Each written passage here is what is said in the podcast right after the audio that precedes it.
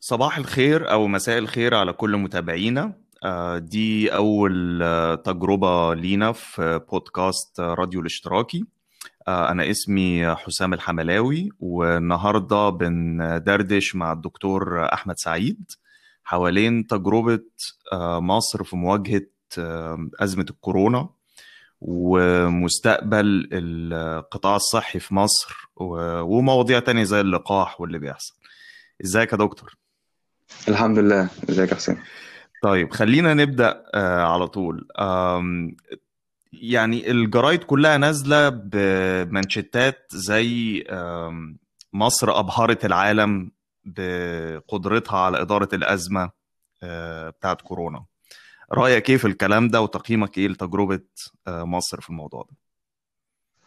يعني هو الحقيقة مصر ما عندهاش أي تجربة خالص في موضوع آه، الكورونا. يعني مصر ما قدمتش للعالم ولا للناس في مصر أي شيء جديد خالص فيما يخص الكورونا غير المانشيتات واللقطات والصور بدأت بزيارة وزيرة الصحة المصرية للصين في بداية الأزمة في خطوة عجيبة وغريبة جدا. آه، كانت أكتر منها دعائية يعني ما كانش فيها أي هدف آه، حتى يعني كانوا بي آه، بيعملوا آه، دعاية للزيارة على إنها إن مصر هتقف جنب الصين في أزمتها رقم واحد. رقم اتنين إن دي لعبة دبلوماسية وإن مصر بتقدم السبت عشان تلاقي الحد زي ما بيقولوا.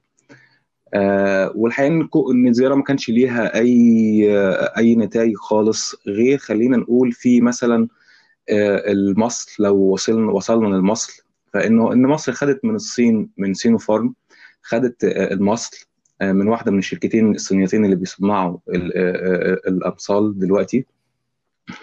وأنا عندي معلومة بتقول إن إن مصر خدت 300 ألف جرعة لحد دلوقتي من الصين وعلى هيئة هدية. وعشان بقى نشوف هديه ولا مش هدية لازم نقول إن المصل الصيني بالذات فيه كذا مشكلة. أهمهم على الإطلاق واللي تفسر لنا ليه مصر خدت المصل هدية هو إن المصل لسه ما انتهوش من آه، مرحلة الدراسة الثالثه بتاعته. يعني أي عقار في الدنيا أو دواء في الدنيا بينزل السوق بيبقى ليه ثلاث مراحل من الدراسة. أول مرحلة بتبقى الدراسة على الحيوانات وما ذلك وبندرس بقى بعد كده السيفتي بتاعة مدى أمان اللقاح آه، على البشر. وبعد كده بنخش في المرحلة الثانية بنشوف تأثيره وبعد كده في المرحلة الثالثه بقى بنعمله على البني آدمين في آه، دراسات موسعة علشان نشوف النتيجة النهائيه آه، اللقاح الصيني لسه ما خلصش المرحلة الثالثه بتاعته ونتائج الفعاليه بتاعته اللي اتنشرت لحد دلوقتي في الأوراق يعني الصينية بتقول إن هو آه، فعال ب تقريبا 69% 73% آه، في منع العدوى. آه لكن طبعا آثاره الجانبية اللي اتكتبت لحد دلوقتي واللي ظهرت من المرحلة الأولى والثانيه إن الآثار الجانبية ليه آثار جانبية كتير جدا منها يعني آه, آه، شفناه أنا شخصيا على المستوى الشخصي آه في زملاء ليا في مصر آه, آه، يعني بعتوا لي ريبورتات عن حالات خدت العقار في مصر وعن النتائج الجانبية شبيهة جدا ممكن ساعات بالعدوى نفسها وساعات بتيجي بقى بترجيع بحساسية آه، آه، بمغص بوجع في الجسم كله بحرارة وحاجات أخرى يعني. ف آه، وفي نفس الوقت أنت عندك لقاحات جديدة موجودة في شركات تانية عملتها. ما فيهاش المشاكل اللي في السينوفارم وفعاليتها أقوى. لكن زي ما آه، كلنا ممكن يكون قرينا إن عندها مشكلة شوية في فكرة التخزين لأنها بتحتاج درجات حرارة منخفضة جدا مش زي العقار الصيني اللي بيتم حفظه في درجة حرارة 2 تحت الصفر. يعني مش درجة صعبة إن إحنا نخزنه. آه لكن مثلا آه في أوكسفورد في إنجلترا في عقار طلع لقاح طلع. تخزينه برضو تقريبا 20 تحت الصفر اللي هو برضو مش أزمة كبيرة في التخزين. وفعاليته أقوى كتير من العقار الصيني. آه، لكن مصر اختارت العقار الصيني لأن العقار الصيني زي ما قلنا في مرحلة التجارب فنحن نقدر نقول يعني إن تلقيح المصريين بالعقار الصيني يدخل في ضمن آه، مرحلة الفحص أو الدراسة الثالثة للعقار. فعشان كده إحنا خدناها ببلاش لأننا هنجرب على المصريين ببلاش ومش هن في الصين طبعا مستفيدة يعني إن هي تدرس العقار بتاعها.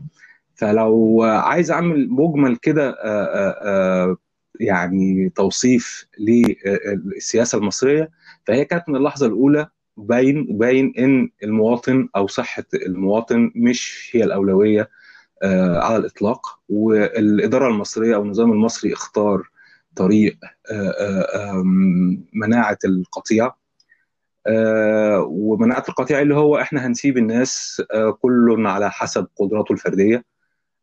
واللي يعرف ينجو ينجو واللي يموت يموت. لأن هو إحنا لا نظامنا الصحي هيقدر يستوعب كل الأعداد.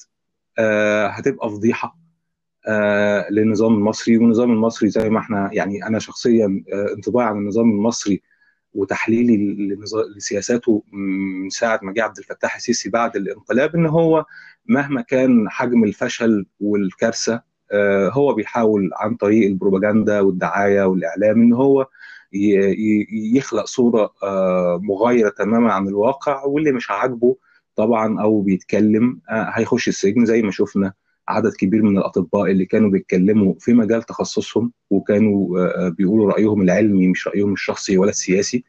ومع ذلك تم القبض عليهم وتلفيق قضايا وإن هم بينشروا شائعات وما إلى ذلك. فهي دي سياسة النظام المصري. مناعة القطيع المصاحبة بطبعا الإسكات المعارضين أو المشتكين أو الناس اللي بتشتكي يعني. و... فأنا شايفه فشل بعد فشل حتى يعني فكرة الأرقام والشكل المتابعة الدقيق اللي كانت وزارة الصحة المصرية أو النظام المصري بيقدمه للعالم فهو لم يكن إلا جزء من رغبة مصر في إن هي تكون جوه النظام العالمي اللي حتى بالذات المبادرة ال ال اسمها الكوفيكس اللي اتعملت من الأمم المتحدة واللي بمصر بموجبها هتاخد عينات هتاخد قصدي لقاح هتاخد 20 في 20 مليون عينة ودول 20 مليون يعني هيكفوا 10 مليون. لأن كل مريض أو كل مواطن أو مواطنة بيحتاجوا جرعتين فرق بينهم ثلاث أسابيع. فده كان ده كان الهدف من وجهة نظري إن هم بس يقدروا يكونوا جزء من ال... فيستفيدوا من المبادرة دي اللي هتدي دعم مصر بالفعل اطلقت دعم مادي كمان من الاتحاد من الأمم المتحدة. وكان من المبادرة بتاعت كوفيكس وزي ما قلت هتاخد لقاحات. فده مختصر سريع يعني طيب في رأيك يا دكتور إذا يعني كان إيه اللي تقدر تعمله الحكومة المصرية لمواجهة الأزمة دي وما عملتوش؟ أولا هو في حاجات كتير جدا كان ممكن تتعمل أول حاجة خالص الإغلاق المبكر واللي ما تمش رغم إن إحنا قعدنا نتكلم تقريبا مدة شهر ونص ولا حاجة على أهمية الإغلاق لكن كنا بنشوف الحكومة المصرية بالعكس وزيره الصحه بتنزل تقابل السياح اللي جايين من الصين وتتصور معاهم ويعني مشهد هزلي جدا يعني بصراحة. يعني الحاجات دي لو بتحصل في دولة فيها طرق ومؤسسات للرقابة على الأداء الحكومي أو على أداء السلطة التنفيذية كنا شفنا الناس دي كلها خلاص يا إما في السجن يا إما مستقلين يا إما مطرودين. لأن مهزلة حقيقية دي أول حاجة الإغلاق المبكر. آه، تاني حاجة كان عشان برضو نكون واقعيين إن ال ال الإدارة المصرية أو النظام المصري عنده مشاكل اقتصادية ما هواش زي الدول الصناعية الكبرى اللي تقدر تتحمل وتواجه شوية الآثار الاقتصادية اللي ممكن تسببها كورونا. وحتى شفنا الدول الكبيرة عندها مشاكل. بس أنا من وجهة نظري إن المشاكل هنا راجعة أكتر للإرادة السياسية يعني أولويات النظام الحاكم إيه؟ هل أولويات النظام الحاكم أصحاب رأس المال والشركات الكبيرة اللي هتتأثر بالإغلاق مثلا ولا هو المواطن وصحه المواطن؟ ففي دول حبت تعمل موازنة موازنة ما بين الاثنين حبت تعمل موازنة ما بين الروح والربح. قالت لا هو الربح. هو رقم واحد مش مهم الروح خالص. طبعا في الدول الأوروبية هم عندهم حكومات هتتعرض للمساءلة في البرلمان ومش هتنتخب تاني لو أدت أداء سيء في الأزمة دي. فعلشان كده كانوا شوية بيحاولوا يبينوا الاهتمام بفكرة المواطن وأهمية المواطن. وخلينا نيجي على الاقتصاد شوية. بالعكس كمان ده وجهوا مصانعهم لإنتاج أجهزة تنفس صناعي و عندنا في مصر إحنا كنا الأطباء كانوا بيتكلموا مثلا في نقص المستلزمات فالدولة كانت بدل ما تحاول توفر المستلزمات الطبية للاطباء والاطقم الطبية كلها من تمريض وفنيين وعمال يعني كل فرد شغال في المنظومة الصحية هو ده ده يعتبر في وش المدفع. وهم اللي عليهم المسؤولية الأكبر وعليهم الحمل الأكبر فكانوا أولى ناس بإن هم يتوفر لهم المستلزمات عشان يحموا نفسهم وبحمايتهم لنفسهم في الحقيقة هو يعني هو حماية للمجتمع ككل مش حماية للأطقم الطبية بس. لكن طبعا يعني بسبب العقيدة عقيدة النظام الحاكم في مصر هو شايفهم ناس مش مش مهمين.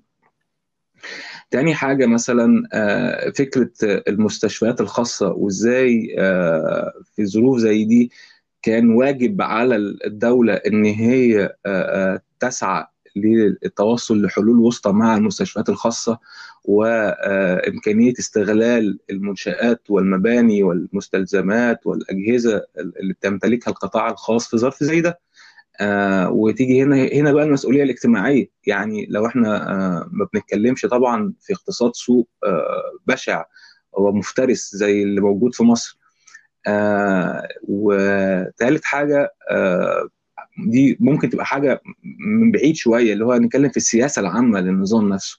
إحنا عندنا آه نظام مهتم بالمشاريع الدعائية وسايب البنية الأساسية والحقوق الأساسية بتاعت المواطن برضه مش شاغل نفسه بيها لأن هو مفهوم عن التمدن والحداثة مفهوم يعني مضلل وضال و اللي هو الشكل من بره يبقى عامل إزاي؟ يبقى عندنا أكبر مسجد وأعظم كنيسة وأعظم كوبري وأطول تمثال وأكبر طبق كشري وحاجات كده.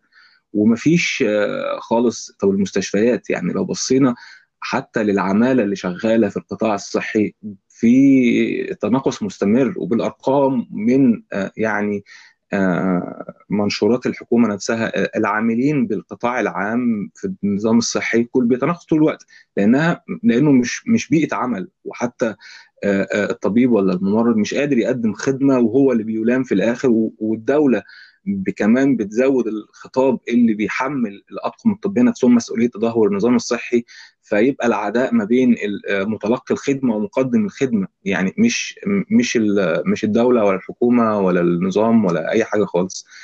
فكان مطالب طبعا تغيير السياسة الاقتصادية حتى بعد ال بعد ال ال الأزمة بتاعت كورونا. العالم كله بيعيد تفكيره في في فكرة تقديم الرعاية الصحية إزاي تبقى أكثر إنسانية.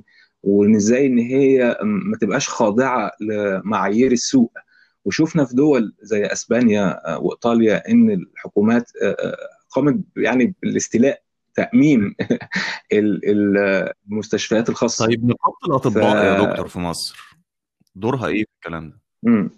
نقابة الأطباء الدور الوحيد المسموح ليها بلعبه حاليا هو تقديم الرثاء وال ويعني إن هم يعدوا لنا الاطقم الطبية وهي بتموت يعني مثلا لما شفنا مؤخرا في لما عبد الفتاح السيسي قرر إن هو لأ الاطقم الطبية دول مش من حقهم يعاملوا معاملة الشهداء ولا أسرهم من حقها تتعامل معاملة الشهداء زي شهداء المؤسسة العسكرية أو شهداء وزارة الداخلية فطب وشهداء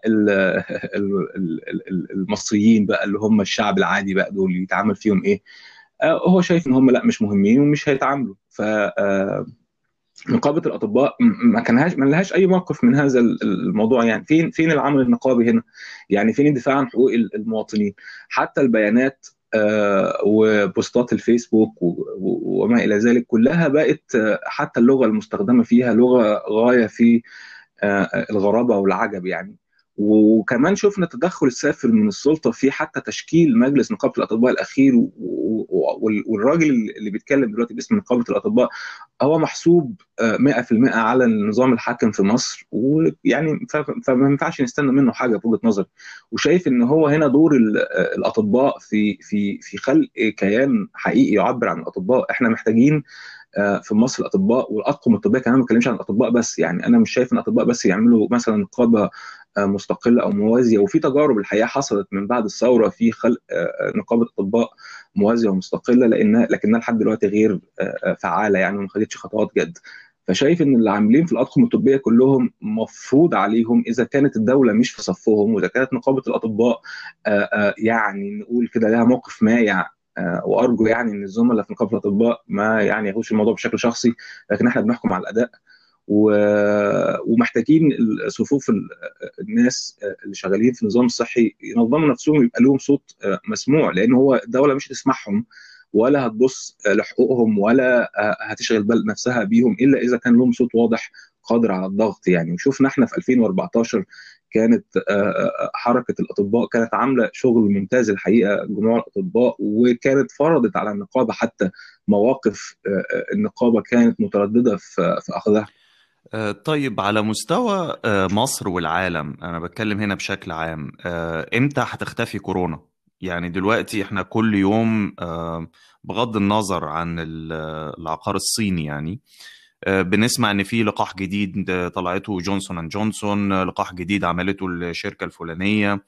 هل متوقع إن القصة تتحل يعني في خلال الشهور القادمة دي؟ لا الحقيقة هو يعني توقعات بتقول إن إحنا قدامنا يعني لحد 2023 عشان نبدأ نتكلم في إن الكورونا يبدأ يعني ينسحب. آه لكن آه التوقع الدقيق لتخطي العالم الحالة الاستثنائية اللي هو فيها دي آه ما حدش يقدر يقوله لا أنا ولا غيري يعني من وجهة نظري. وفكرة العقار أو اللقاح اللي اللي اللقاحات الجديدة اللي بتنزل آه يعني كل شركة لأن الموضوع تحول إلى يعني منافسة وسوق حقيقي وحتى الدول الغنية بت بت بت بت يعني تستولى على نصيب الأسد من العقارات لدرجة إن هم عندهم سبع في دول بعض الدول زي ألمانيا وأستراليا وكندا عندهم سبع جرعات لكل مواطن وأمريكا عندها ست جرعات لكل مواطن حاجة كده وألمانيا ست جرعات برضه لكل مواطن.